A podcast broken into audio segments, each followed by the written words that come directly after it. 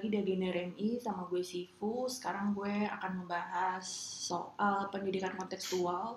Di sini gue ditemenin sama Alvina. Nanti kita akan menghadirin juga narasumber dari Sokola Institute namanya Kadila. Mungkin sebelum kita nyambung ke Kadila, kita ngobrol dulu nih sama Alvina. Alvina bisa perkenalan dulu mungkin?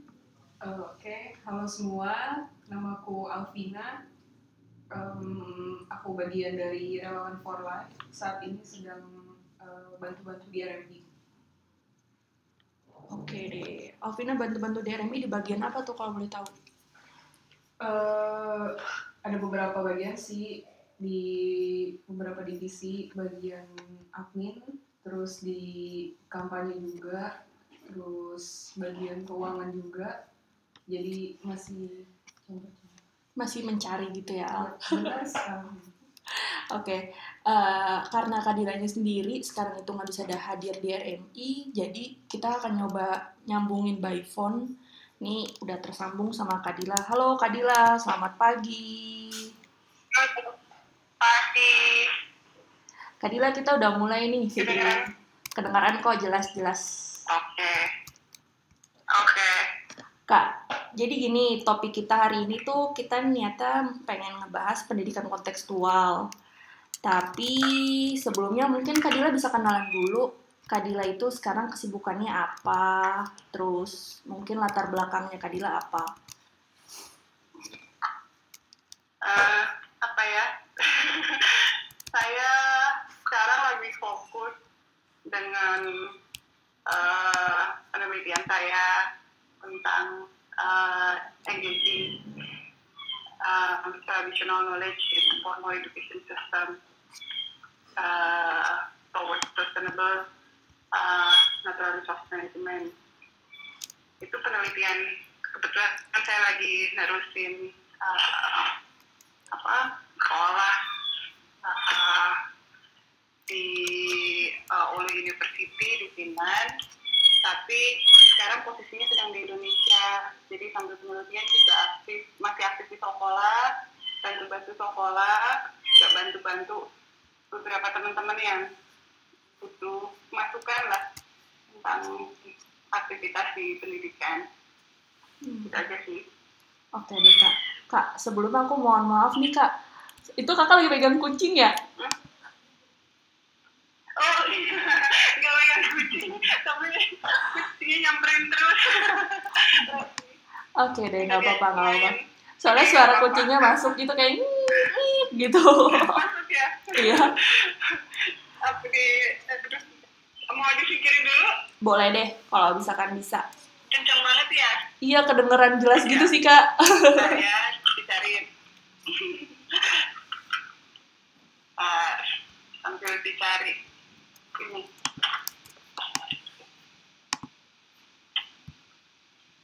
Dicari mainannya. Hmm. Ya, lanjut. Sambil lanjut nggak apa-apa. Oke deh, aku sambil lanjut ya, Kak. Eh, sekarang, kalau misalkan aku boleh tahu, sekarang kakak tinggal di mana nih? Oh, aku tinggalnya di Bogor. Hmm. Tapi sekarang lagi bolak balik ke Tengger. Jadi soal sekolah kita punya program baru di Tengger. Terus kebetulan rencana rencana penelitian juga akan di Tengger. Masih rencana sih, maksudnya belum belum belum fix. Eh, jadi bolak balik Tengger. Tinggal sih di Bogor. Oh iya kak, aku juga mau ngasih tahu juga maaf tadi kelupaan. Sekarang tuh aku lagi sama Alvina, Alvina yang kemarin mungkin kita sempat ini ya, Oh, iya. Iya Iya, gitu iya. deh. Halo Kadila. Halo Vina, ketemu lagi sekarang lewat telepon ya. Iya benar. Gitu deh kak. Nah, eh, kalau kita boleh tahu nih kak, kakak tuh awal kan kakak kan dari sekolah nih. Kakak kan salah satu aktivis di sekolah ya. Nah, kakak tuh awalnya kenapa sih tertarik untuk eh, ngajar di sekolah gitu? Kan sekolah itu kan setahu kan kayaknya dia ngajarnya itu tuh di hutan-hutan gitu untuk masyarakat adat. Gitu. Kenapa tuh kak awalnya? dulu yang yang yang bikin tertarik dulu aktif di di, di apa ya kegiatan lingkungan bantu salah satu organisasi apa lingkungan yang lumayan besar dan mereka punya apa eh, kerabat istilahnya apa relawan-relawan yang bantu nah sering main ke daerah ujung kulon Hmm. tapi dari situ ngeliat kok sekolahan-sekolahan yang ada di di mana ya yang jauh banget dari kota dekat dengan alam dekat itu dekat hutan kan ya Iya. orientasinya kok lebih ke pabrik gitu ke, ke, ke kota gitu malah menjadi eh, sekolah-sekolahnya tuh kok malah jadi apa ya ngebentuk eh, muridnya untuk jadi untuk jadi apa pekerja-pekerja pabrik. Padahal di wilayahnya itu apa ya eh, ma- gemah ripah lo jinawi gitu loh. Maksudnya semuanya ada gitu. Tapi justru nggak nggak nggak dikelola gitu. Tidak tidak jadi apa apa target dari pendidikannya gitu. Pendidikannya malah eh, sibuk nyuplai ke pabrik-pabrik nah dari situ penasaran coba belajar dari yang lebih ekstrim. Nah, menawarkan dirilah masuk sekolah. Hmm. sekolah kan waktu itu emang ngajarnya kan lebih jauh lagi gitu. Dan sekolah kan tidak di pendidikan formal. Jadi belajarlah lewat sekolah. Nah dari sekolah baru belajar banyak banyak banyak banyak hal ya bahwa sebenarnya pendidikan itu uh, bisa gitu berkontribusi apa me- apa dibikin merespon sekitarnya gitu bukan untuk memenuhi kebutuhan-kebutuhan yang di luar dari sekitar dari masyarakatnya Itu sih. Oh berarti kakak emang dari dulu sebelum masuk sekolah itu berarti kakak emang udah jadi guru ya kak?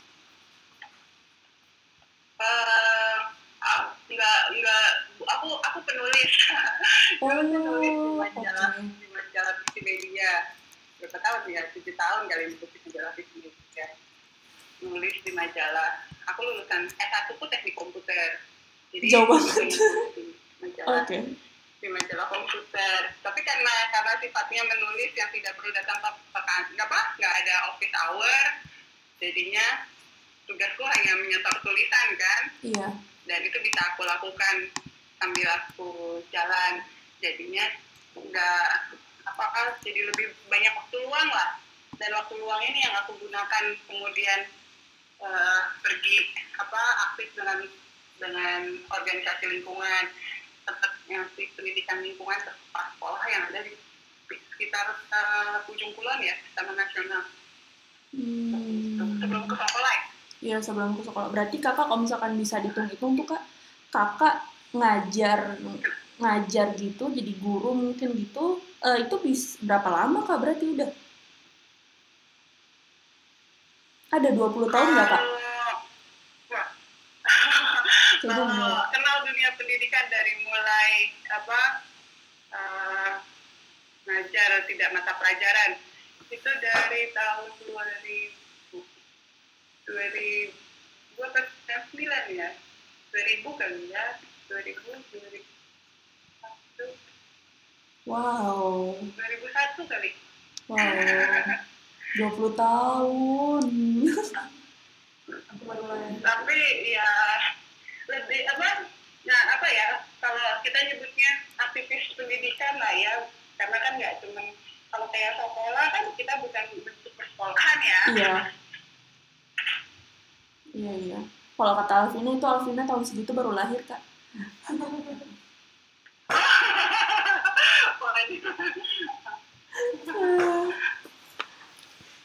Selama selama menjalani proses itu, Kak, menjalani kegiatan-kegiatan belajar dan jadi aktivis pendidikan gitu, itu apa Kak hal yang paling menarik? Eh, mungkin yang, yang paling signifikan ketika udah apa di sekolah tapi maksudnya ketika kita beraktivitas ke ke, ke aku besar di kota kan ya. Iya. sampai mengenyam pendidikan saat itu besar di kota. Tapi terus banyak beraktivitas di di luar dari kota. Dan apalagi waktu sama sekolah.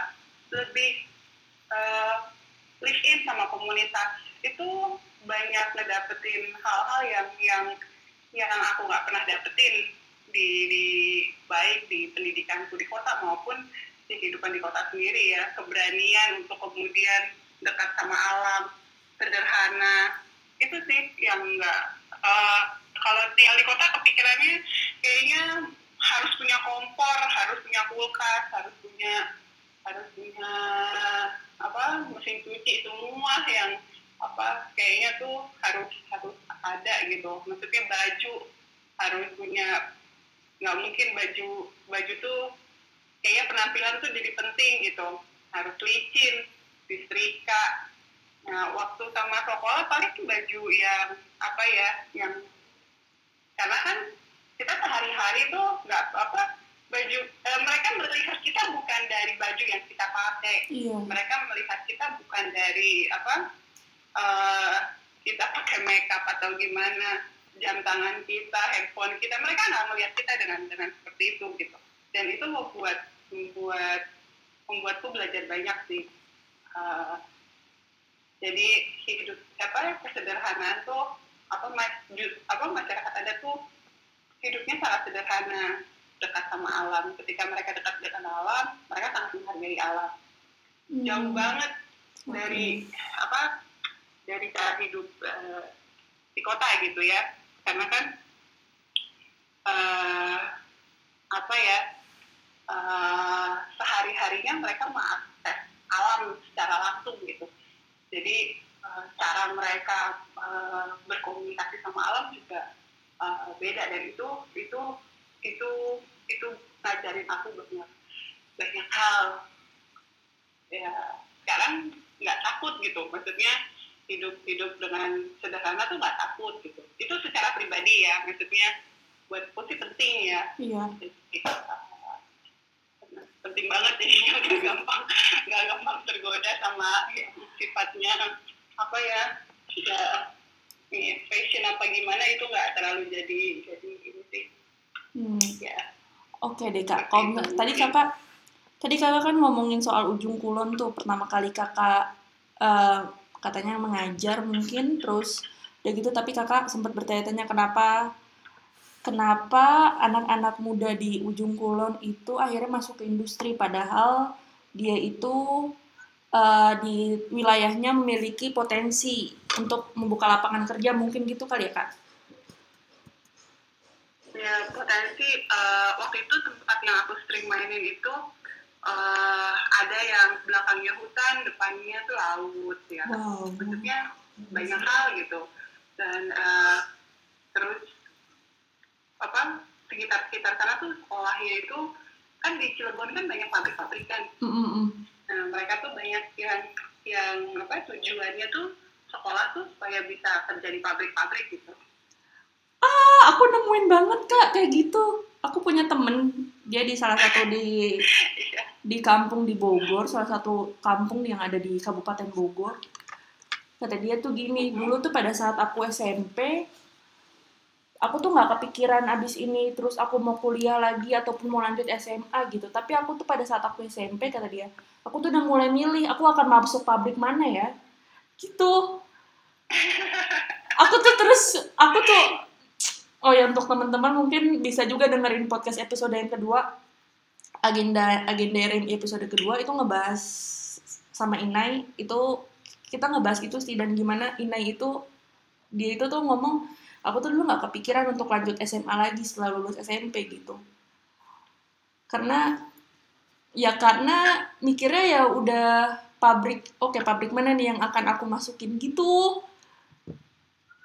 Ya nah, ya itu kan kan kalau kalau aku ngeliat nih misalnya orang selalu selalu bilang ya eh, kayak orang rimba misalnya atau eh, orang orang yang tinggal di, di, di desa gitu dianggapnya miskin dianggapnya eh, ini ini stigma stigma ya nggak Iya. maju seperti itu ya padahal bay- bayangkan orang di kota apa ruang rumahnya tuh ruang tinggalnya tuh kecil banget eh, sedangkan di desa ruang-ruang apa mereka masih banyak ruang-ruang hijau yang kemudian bisa bisa kemudian memberikan eh, makanan ya nggak perlu harus bekerja dari apa mengandalkan uh, uang yang diberikan orang lain gitu.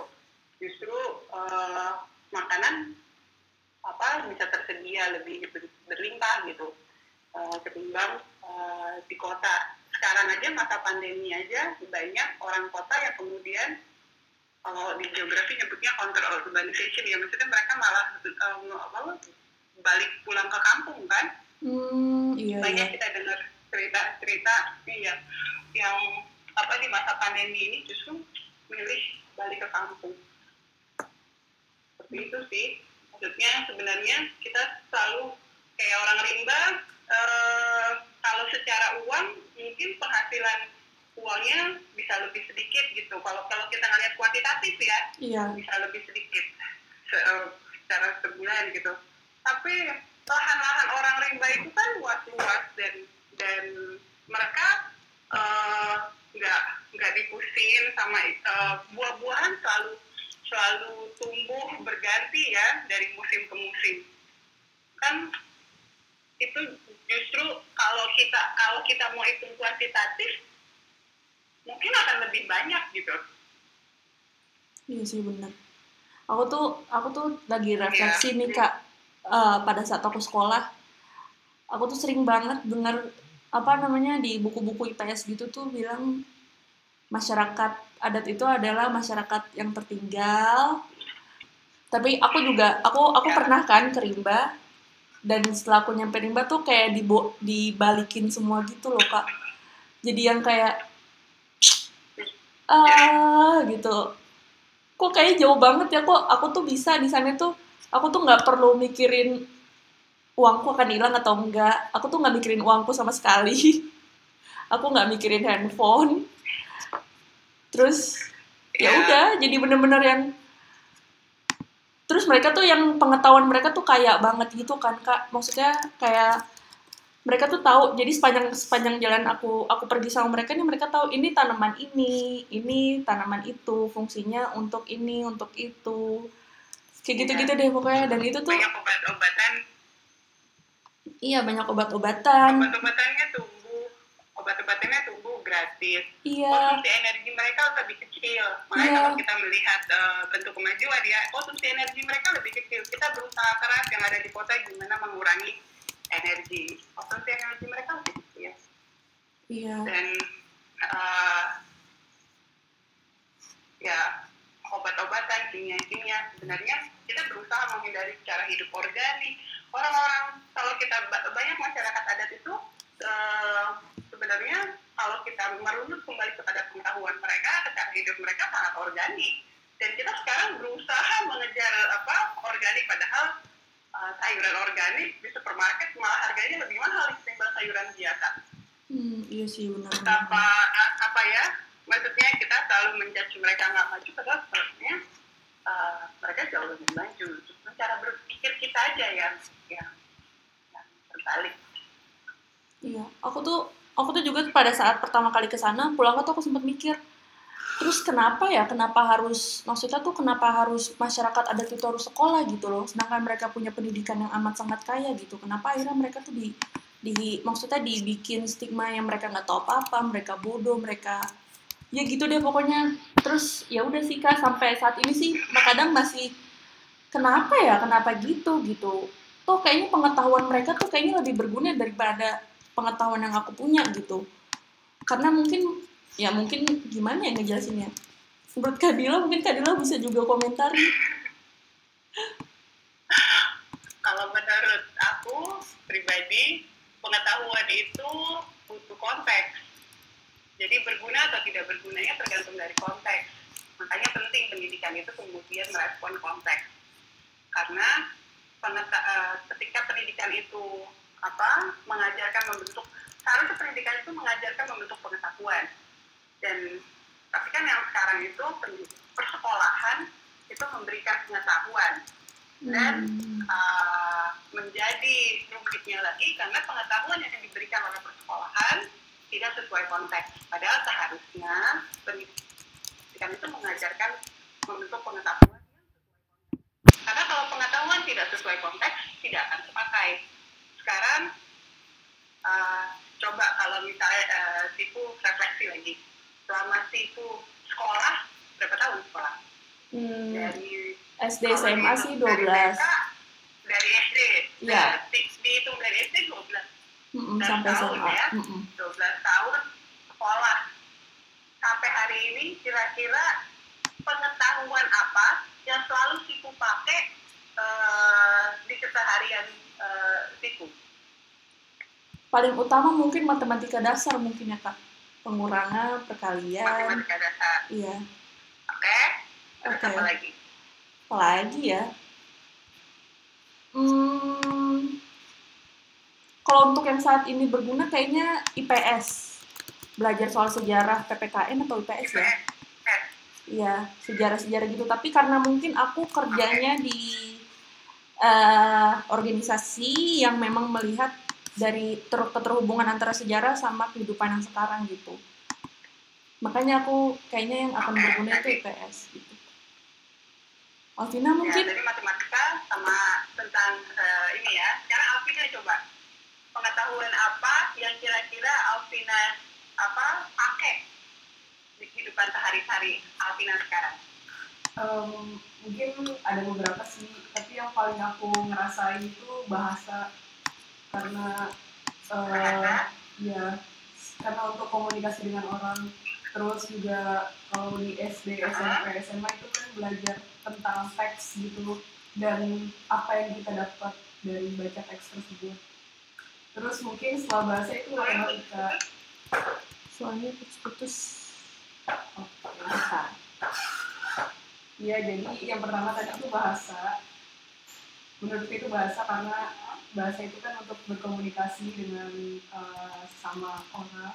Terus juga di bangku sekolah itu kan kita belajar apa eh, arti teks yang kita baca gitu, makna-makna tersiratnya apa, terus eh, apa yang mau disampaikan oleh teks tersebut. Itu sih eh, yang paling aku ngerasa apa yang yang paling berguna kali ya? Hmm. ya terus di samping itu juga karena aku suka sama bahasa jadi ya itu ini maksudnya berkesan terus ya selain bahasa juga mungkin Sekali lagi coba.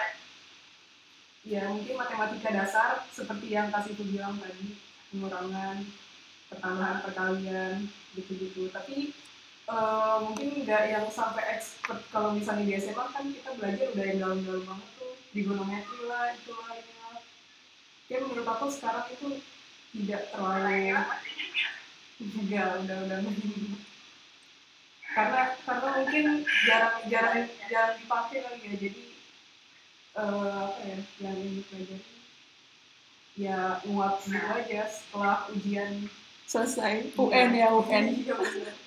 Ingat rumus-rumus Nah, itu semua pengetahuan itu tuh dari mulai matematika dasar, literasi dasar, terus kemudian eh, sejarah. Kita, kita gabungin semuanya.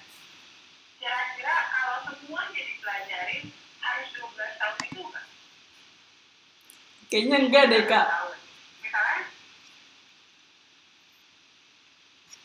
Menurutku enggak sih iya loh.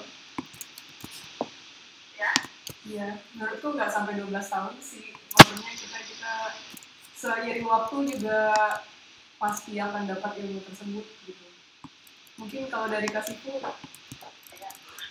Kalau aku sih enggak deh kak kayaknya kak.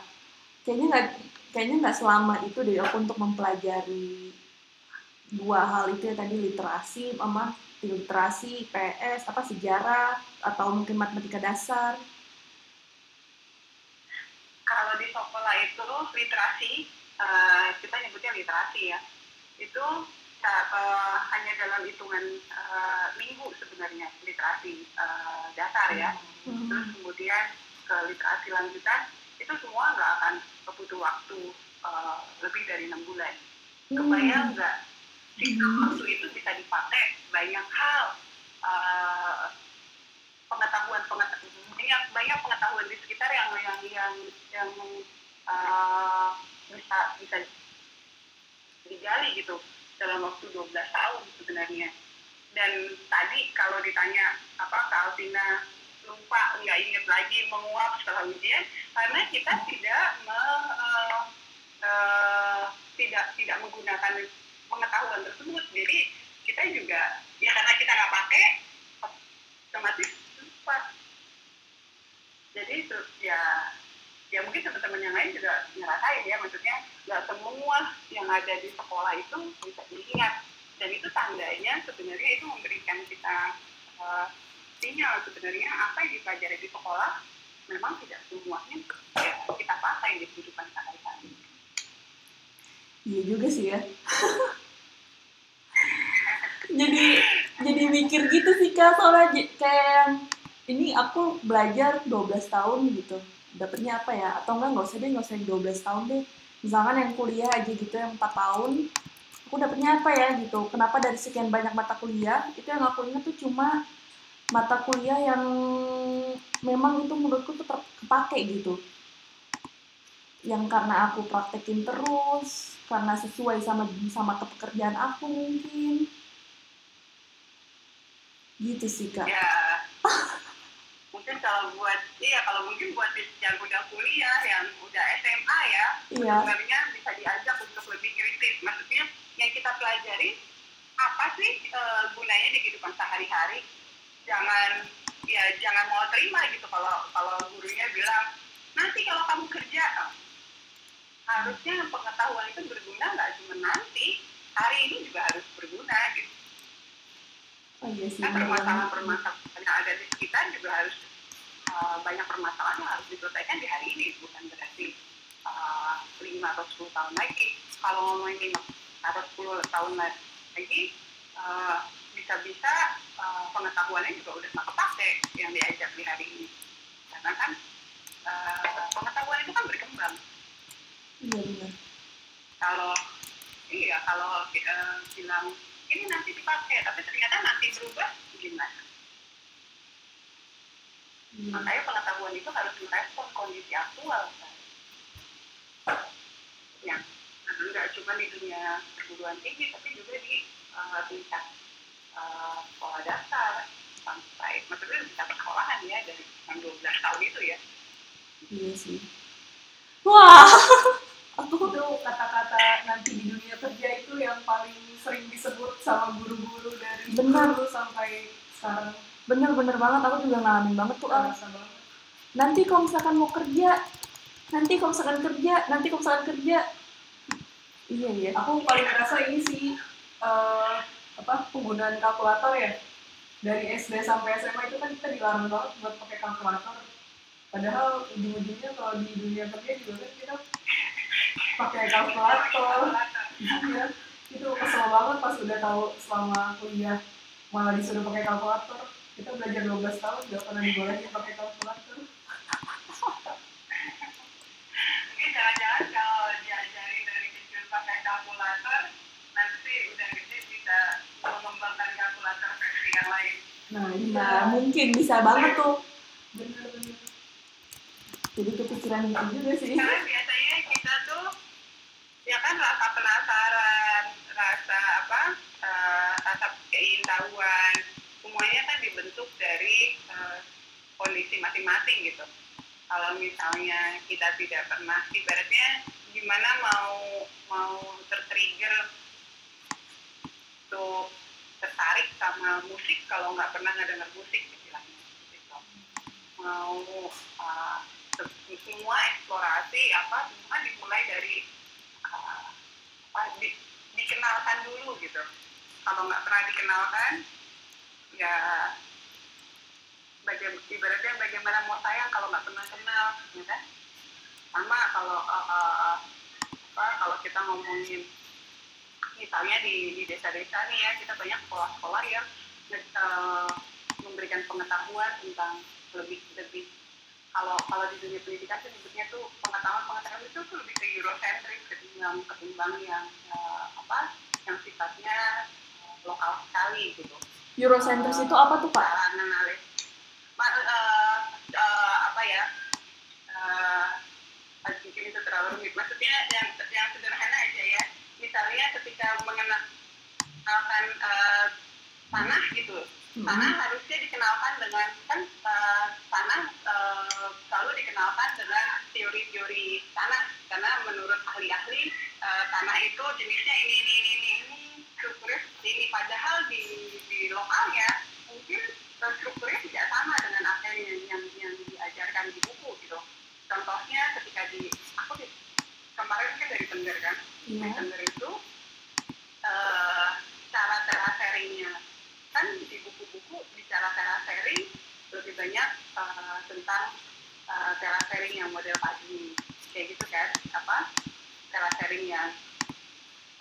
eh, nyebutnya. Nah sedangkan terasering yang seperti itu nggak bisa dilakukan di Tengger. Karena bentuk tanahnya beda. Nah kan di, di buku tuh nggak nggak nggak ada istilah eh, istilah terasering yang dilakukan oleh terus bentuk tanahnya eh, orang Tengger tanamannya orang Tengger di situ nggak ada padi sama sekali. Jadi Hmm. eh, di situ justru eh, dari kesejarahan pertaniannya itu jagung nggak bicara padi sama sekali itu jagung terus kemudian ada bawang putih eh, terus kemudian uh, monokultur uh, apa bawang putih kentang terus mereka kaya akan umbi-umbian itu tidak pernah dibahas di buku-buku sekolahnya gitu. buku sekolahnya itu mengajarkan karena untuk eh, apa pelajaran uh, IPA itu harus mengenalkannya dengan cara yang yang tidak seperti itu gitu. apa eh, anak-anaknya tuh padahal tiap tiap pagi itu mereka harus jam remaja ya mereka harus pergi ke, ke, ke ladang mereka nggak perlu percobaan kalau di buku IPA itu kan percobaan pakai botol aqua ngelihat tentang apa eh, apa tanah dimas eh, tentang tentang tanah bisa belajar tentang tanah itu pakai botol aqua tanahnya dimasukin terus air apa Oh, seperti itu. Percobaan-percobaan Dan IPA ya. sebenarnya lab labnya itu lengkap gitu iya benar sedangkan di buku bicara terasering kemiringan hanya berapa persen 50 persen kemiringan mereka hampir 90 persen wow dan itu tidak Oh, miring banget dong. karena menurut mereka pengetahuan itu harus diajarkan setahap-setahap dan tidak menyentuh eh, kondisi aktual yang ada yang ada di sana. Hmm. Oh iya kak, tadi kan kakak lagi ngomongin uh, pas awal-awal aku mundur lagi sedikit. Kakak tadi bilang kakak lagi lanjutin S3. Iya lompat-lompat. Eh, kakak tadi kan bilang lagi lanjutin S3 nih kak. Nah, itu tuh kenapa S3 S3 kakak kan kalau nggak salah pendidikan nih. Kenapa sih kak kakak tuh ngambil jurusan itu dan apa gitu loh hal yang hal yang melatar belakangi kakak untuk ngambil oke kayaknya aku mau ngambil jurusan itu deh gitu. Hmm, kalau ngambil S3 itu karena waktu itu diskusi sama dari apa sekolah itu waktu itu diundang untuk mendiskusikan kurikulum untuk masyarakat adat. Uh, Hmm. terus di diskusi itu ada kepesimisan uh, dari uh, dari apa ya kewakilan pemerintah lah istilahnya. Uh, mengatakan bahwa ini nggak ada uh, belum ada studi akademisnya. Itu sih kata-kata itu yang bikin yang bikin jadi oh uh, kalau ada studi akademisnya bisa bisa lebih. Jadi waktu itu sekolah kan mengusulkan bahwa setiap masyarakat adat itu setiap komunitas harus memiliki kurikulumnya masing-masing gitu Iya. yang uh, tidak mengikuti kurikulum uh, nasional. Itu sih Uh, dan mereka harus memiliki sebenarnya usulannya itu lumayan lumayan konteks uh, kita tuh pengennya uh, misalnya guru juga yang dikirim dari luar. Tapi harus uh, apa dari dalam juga harus diakui gitu. Uh, karena suatu sekolah kan masyarakat itu nggak kosong gitu. Mereka tuh punya pengetahuan dan harusnya mereka juga uh, gitu dengan guru-guru uh, yang lain gitu. Itu sih. Jadi banyak banyak banyak aspek sih maksudnya dari proses assessment juga kita nggak mau uh, di, di, di, di- di- disamakan gitu. Semua komunitas disamakan cara cara assessmentnya ya setiap eh, setiap komunitas punya konteks yang berbeda-beda punya kebutuhan yang berbeda-beda punya permasalahan yang berbeda-beda. Nah satu diskusi sempat ada kayak kata-kata ya ini belum ada naskah uh, akademik yang berbicara begini jadi tidak kesulitan. Nah di situ sih yang bikin jadi terkejut oh oke berarti uh, aku harus melakukan sesuatu untuk kemudian bisa apa secara akademisi uh, apa yang dilakukan juga uh, uh, diakui gitu jadi bukan bukan bukan sebuah apa me, me, me, uh, melakukan kolaborasi uh, pengetahuan uh, dengan masyarakat adat itu uh, sesuatu yang bisa dipertanggungjawabkan juga secara akademik gitu mungkin berpikir untuk penelitian lanjut Oh. Berarti Pak aku juga tepat juga tadi pas kakak bilang setiap setiap masyarakat itu punya konteks yang berbeda, punya permasalahan yang berbeda, sehingga mereka tuh harusnya punya kurikulum masing-masing.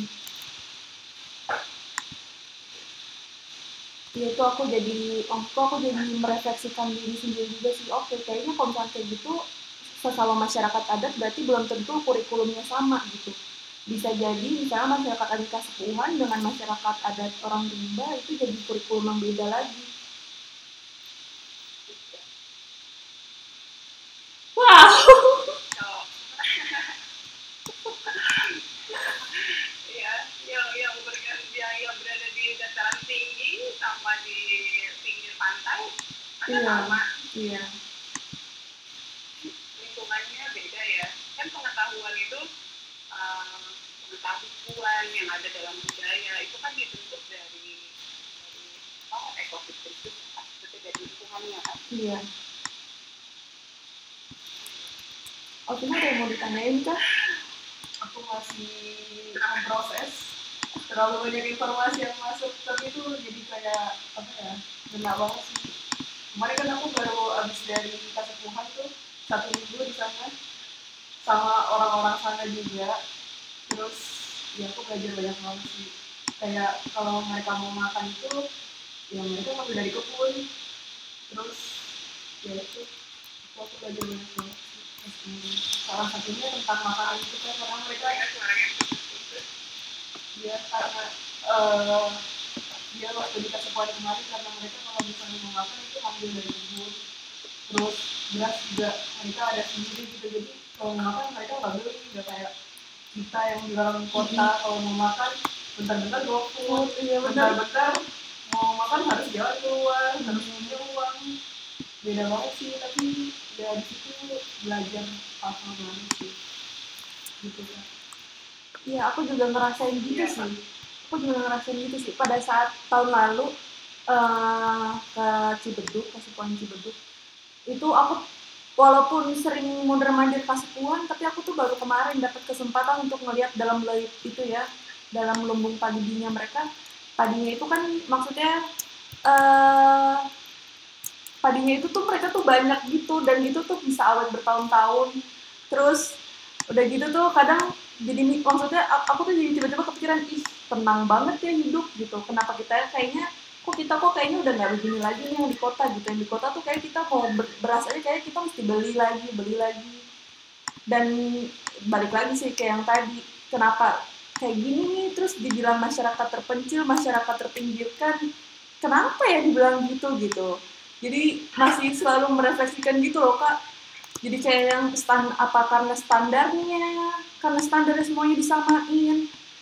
Atau stand maksudku standar itu tuh standar ini ya standar kesejahteraan masyarakat itu tuh harusnya tuh sama semuanya. Padahal kan kayaknya enggak juga deh harusnya mungkin ya selain kurikulum mungkin kesejahteraan itu tuh juga beda-beda mungkin definisi sejahtera di masing-masing komunitas masyarakat adat gitu. Gitu sih. Jadi merefleksikan lagi nih Kadila terima kasih banyak. Overwhelmed banget udah sambil ngebayangin wow wow kalau misalkan ini bisa maksudnya kalau misalkan emang kurikulum itu bisa di setiap uh, komunitas itu berbeda disesuaikan dengan konteksnya disesuaikan dengan lingkungannya disesuaikan dengan permasalahan dan kebutuhannya mungkin itu bisa mencapai kesejahteraan gitu ya bayangkan kalau eh, apa kita tidak memberikan ruang buat pengetahuan tradisional ya maksudnya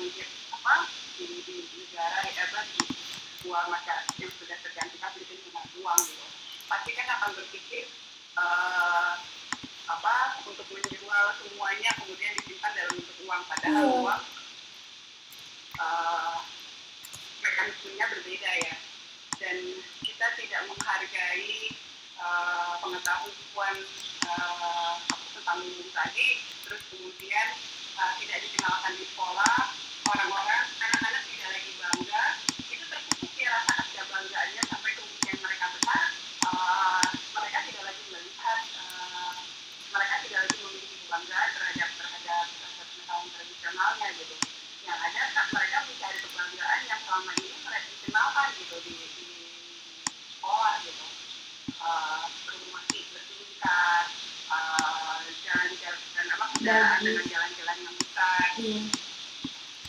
Aku jadi kayak apa dan sekali dengan kebanggaan itu jadi lebih meninggalkan apa meninggalkan uh, kampungnya pengetahuan itu tidak lagi di, diaktualisasi tidak lagi dikembangkan masyarakat itu kan sebenarnya dinamis Uh, perubahan lingkungan itu kan berubah juga apa pengetahuan kan iya. makanya dibilang masyarakat itu tak- apa atau itu masyarakat adat nggak nggak visioner mereka mereka Iya, jauh bedanya.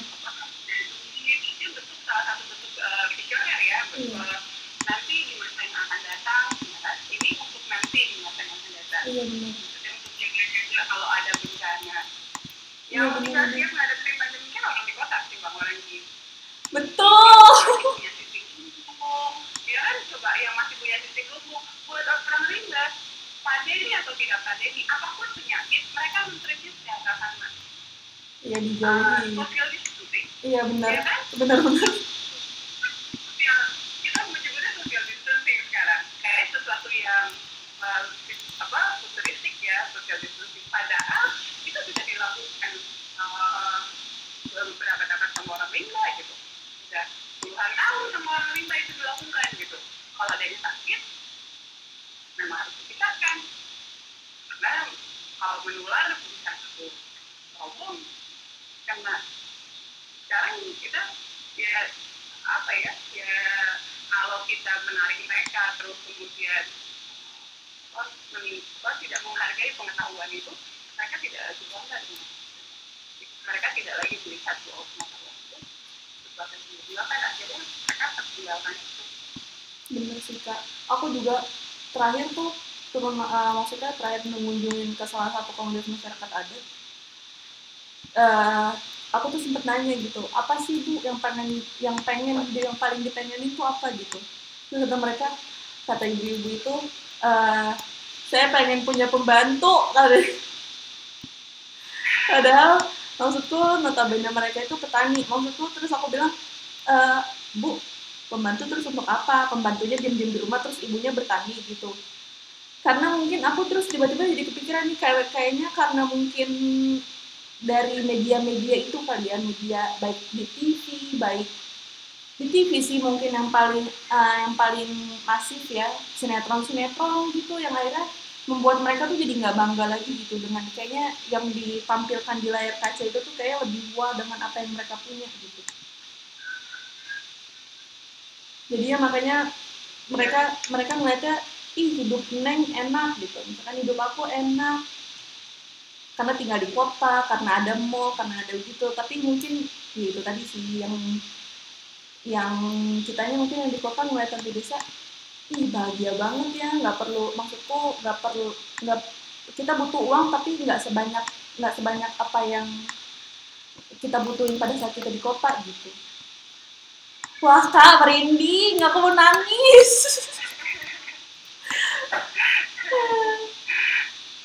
merinding cara, banget. cara pikir ya saat kita berinteraksi sama orang desa juga kita harus apa cara cara pikir ya maksudnya kita juga harus kita kalau di sekolah itu kita ingetin kita harus eh, terbuka gitu. Iya. Uh, cara pikir kita juga harus terbuka terbuka kemajuan juga. Ya, itu tadi yang dulu eh, sebenarnya kita melihat uh, eh, organik. Sekarang banyak orang pada coba berbentuk tangan ya kan iya, tahu bahwa uh, di, di kedaulatan mampu memproduksi sendiri pangan kita sendiri ya, di kota coba nanam nah yang desa-desa kan sebenarnya kan ya berkembang tanam dari dulu dan lama Iya. iya Wow. Kak, eh, aku mau juga mau nanya nih Kak, kalau menurut Kakak sendiri, pendidikan di Indonesia itu sekarang gimana sih Kak? Pendidikan kita nih saat ini tuh gimana sih Kak?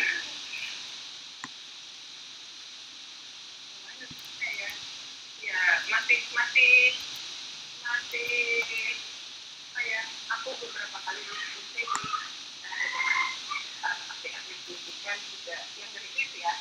Sepakat bahwa memang paradigma kita masih sama? Kita masih bicara eh, bagaimana pendidikan bisa memberikan eh, apa labor eh, supply buruk untuk industri 4.0 maksudnya 5.0 jadi selalu mengatakan supply dulu.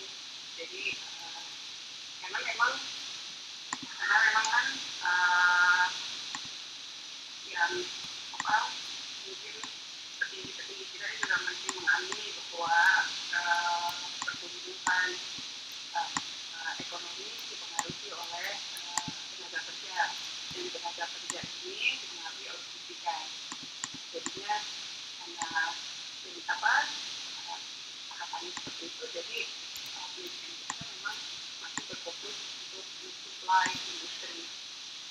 Itu bicara bagaimana membentuk eh, kedaulatan eh, apa apalagi kalau bicara kedaulatan pangan dan juga itu Eh, jadi ya ya pendidikan kita masih masih masih kayak gitu gitu. Walaupun eh, berubah-ubah eh, kita kita tidak berani membentuk pendidikan kita sendiri. Itu sih masih ngelihat masih ngelihat eh, negara lain gitu. Terus kita selalu ngelihat ya, yang yang di luar gitu. Nggak pernah ngelihat ke ke ke Ke dalam. dalam ke dalam sendiri. Maksudnya ya kan banyak potensi eh, kita tuh patuh sama eh, ukuran kita. Jadi seakan-akan wah eh, nanti satu harus menyerupai kita biar nanti uh, hasil kitanya bagus.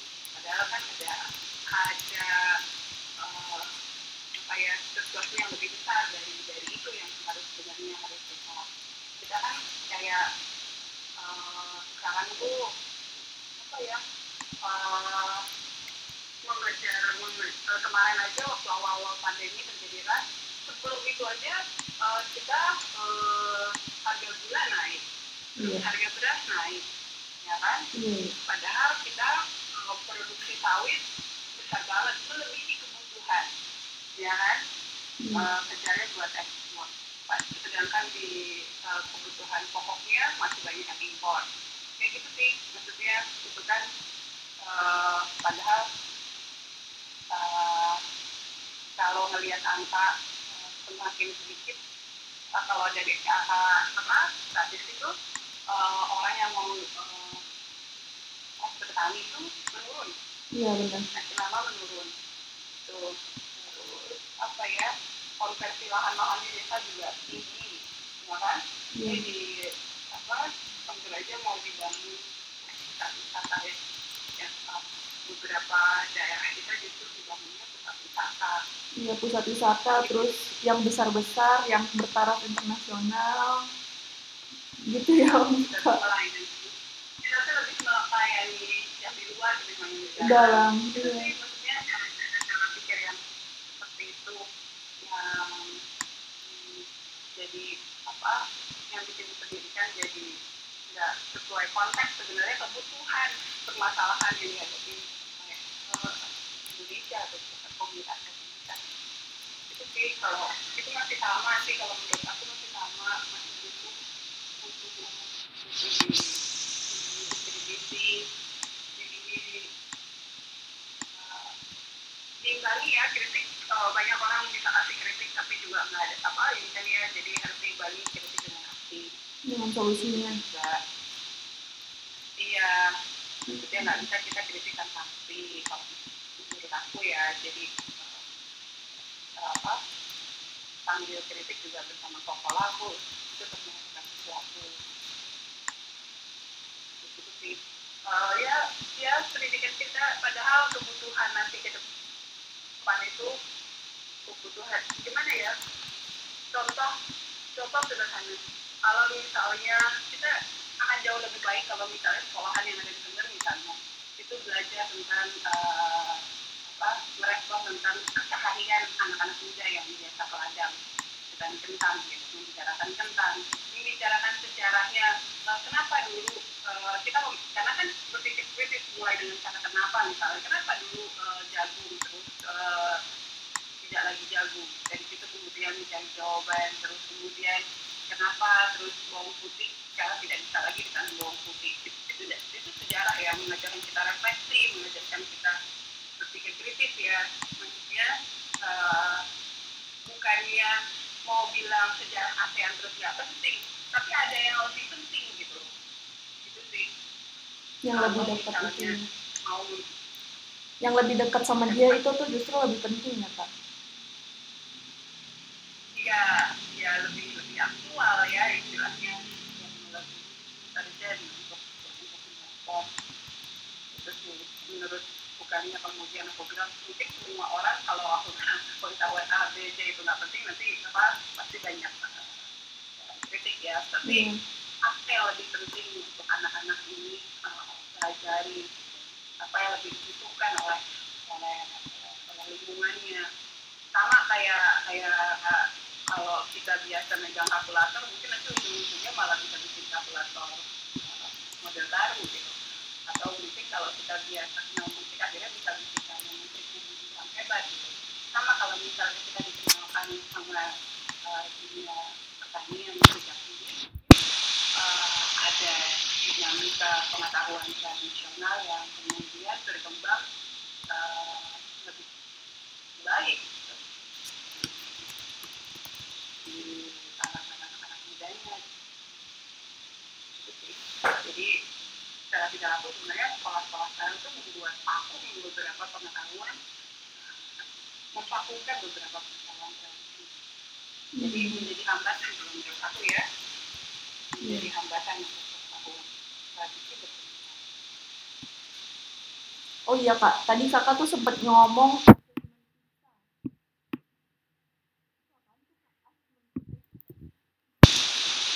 Itu assessment yang dilakukan oleh sebuah lembaga ekonomi antara pemerintah untuk melihat eh, perkembangan pendidikan di sebuah negara hmm. lain. Ya, kondisi pendidikan teman-teman, kondisi pendidikan di sebuah negara. Ini kalau nggak salah ada tiga, literasi, eh, sains, dan matematik ya. untuk mengukur kondisi kondisi pendidikan dan ini jadi momok banyak negara sih termasuk Indonesia karena hasil usaha Indonesia lumayan kecil dan banyak yang bilang uh, ini juga yang kemudian uh, apa mengat- yang banyak yang akhirnya mau mengatakan bahwa Finland pendidikannya terbaik karena hasilnya selalu bagus Oke. Alvina ada yang mau ditanyain? belum sih. Masih coba lihat eh, aku setuju sama yang bilang apa ya lihat orang gitu kan. Makanya ya aku aku aku eh, apa ya? Eh, yang pas tadi kan juga bilang tiap komunitas itu punya apa ya pendidikan yang harus disesuaikan dengan kebutuhan mereka itu tadi pas dengan kata itu terus aku lagi mikir lagi apa refleksi ya kalau misalnya gitu. ya benar juga maksudnya baru ngerasain sekarang gitu loh waktu dulu kan eh, apa sekolah ya udah sekolah belajar ini belajar ini belajar itu tujuan depannya ya udah nanti aja belajar ini Betul. gitu sih kak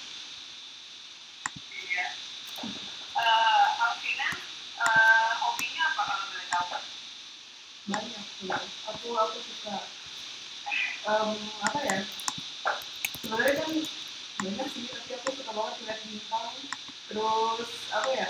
Melihat fenomena awan gitu kejauhan bentuk-bentuk awan terus bintang. Ternyata kan kalau di kota melihat bintang ini nggak kelihatan ya kak. Jadi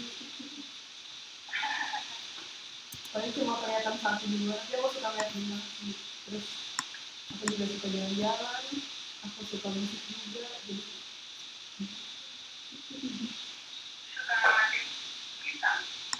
kenapa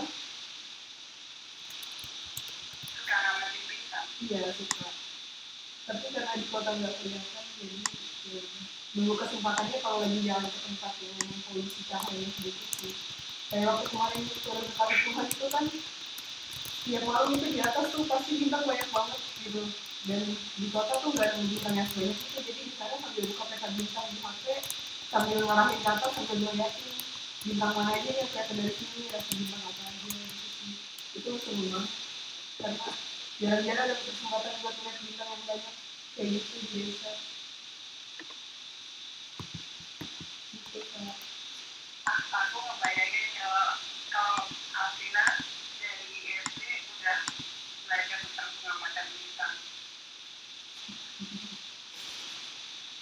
iya benar. Tapi ya anak-anak yang sama kita yang masih mungkin tahun 12 tahun akan menemukan bintang baru ya. Iya, pertama kali belajar bintang itu di kelas ya? Ya, ya itu baru baru pertama kali nemu pelajaran yang matahari gitu eh pas 6 SD pas 6 Kata Surya. Iya, Kata Surya. Itu tapi apa?" Oh. Kata Surya bukan iya, bintang Kata Surya kalau Iya. Itu kalau dari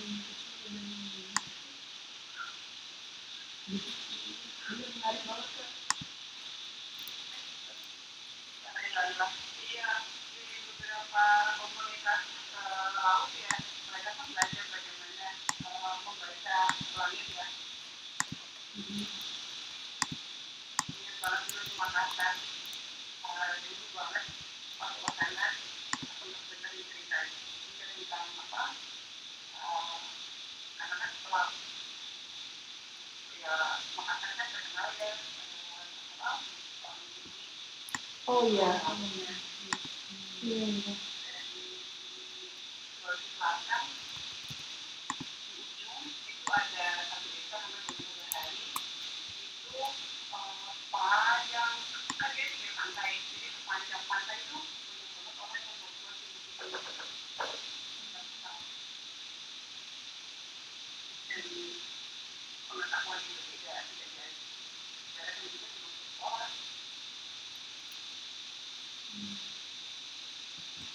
kalau apa ya akhirnya supaya kalau kalau sekolah juga juga bersinergi ya mau bersinergi dengan persoalan tadi pasti akan sangat berkontribusi ya untuk kemudian pengetahuan itu juga bisa berkembang.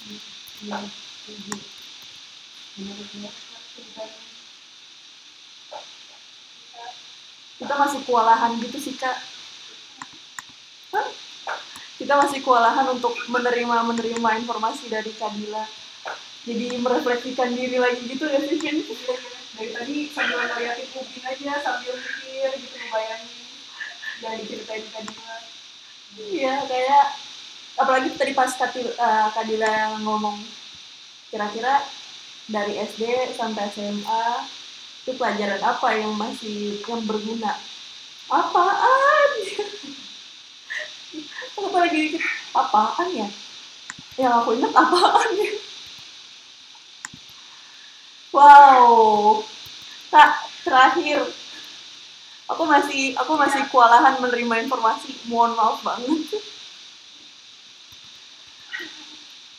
Eh, terakhir nih kak, Eh, mungkin ada eh, satu kalimat mungkin yang pengen kakak sampaikan ke pendengar agendanya RNI terkait eh, pendidikan mungkin atau apa ya untuk apa ya supaya mungkin Kak, Kak Dila pengen ngajak teman-teman yang seumuran kita nih yang 30-an ke bawah gitu untuk misalnya mungkin mengkritisi atau apa mungkin ada kalimat-kalimat penutup mungkin dari Kak Dila? Apa ya mungkin eh, apa pendidikan memang sistem pendidikan kita memang banyak yang masih harus dibenahi sih Eh, dan ini nggak bisa kerja sendiri kerja semua pihak Eh, butuh pemikiran kritis dari semua pihak termasuk juga eh, apa pelajar-pelajarnya sendiri gitu. Harus mulai kritis Uh,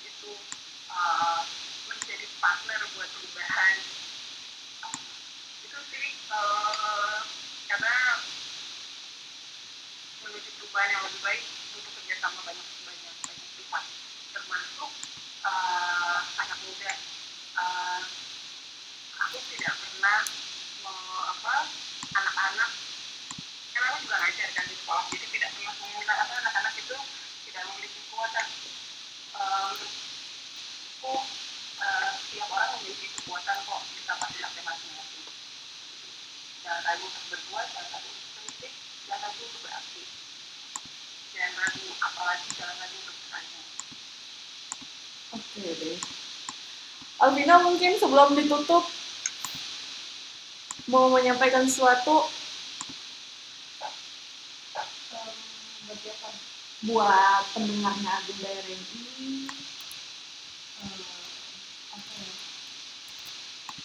Mungkin nambahin aja kali dari ya, eh, dari tadi kan masalah tentang bertanya gitu di sekolah itu yang gua rata-rata ya kebanyakan dari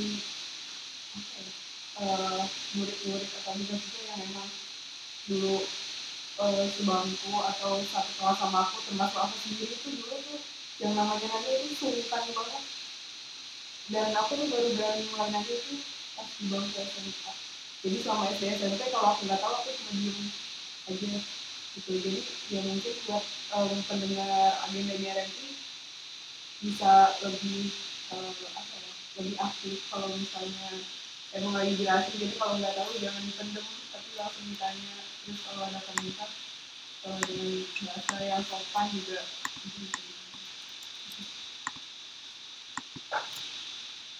Hmm. Ah, halo Kak Dila. iya Kalau aku sih sama kurang lebih jangan takut buat bertanya. Itu adalah mungkin poin yang awal banget untuk temen-temen. Karena aku tuh aku tuh dulu kecil seneng bertanya, tapi tuh sering banget dibilang ah anak kecil gitu. Dan banyak nanya ah, anak kecil nggak tahu? Kayak gitu-gitu tuh. Itu justru mematikan diriku juga uh, rasa penasaran aku gitu. Sampai akhirnya aku tuh di kelas 5, 4 sampai SMA baru aku ah udah amat udahlah tabrak aja lah. Mau pertanyaannya salah kayak mau pertanyaannya bener kayak mau dijawab kayak mau enggak kayak pokoknya aku mau nanya aku penasaran daripada nggak bisa tidur nyenyak Ya, jangan pantang menyerah untuk untuk mencari jawaban ya. iya bener banget sih kak. Tapi emang ya pokoknya aku nggak bisa ngucapin apa apa lagi sih selain terima kasih untuk ngobrol kita hari ini kak untuk ngebikin episode berikutnya di agenda RMI dan uh, terima kasih banyak untuk Alvina juga untuk Kadila telah bersedia untuk hadir untuk ngobrol untuk tukar pikiran mungkin diskusi sampai bikin kewalahan gini sih jadi kayak oh iya ya oh iya ya oh iya ya gitu gitu deh pokoknya jadi yang kayak masih masih mencerna uh, informasi-informasinya. Aku sendiri masih mencerna. Uh, mungkin itu aja untuk episode kali ini uh, kita tutup oke okay. Ya, terima kasih Sifu, terima kasih Alvina. Mudah-mudahan berguna ya buat teman-teman yang lain. Terima kasih juga untuk Kadila atas waktunya dan cerita-cerita inspiratifnya. Um, berkesan banget sih. Terus juga makasih buat Sifu. Iya deh, kalau gitu. Makasih banyak semuanya. Sampai jumpa lagi di agenda berikutnya. Dah.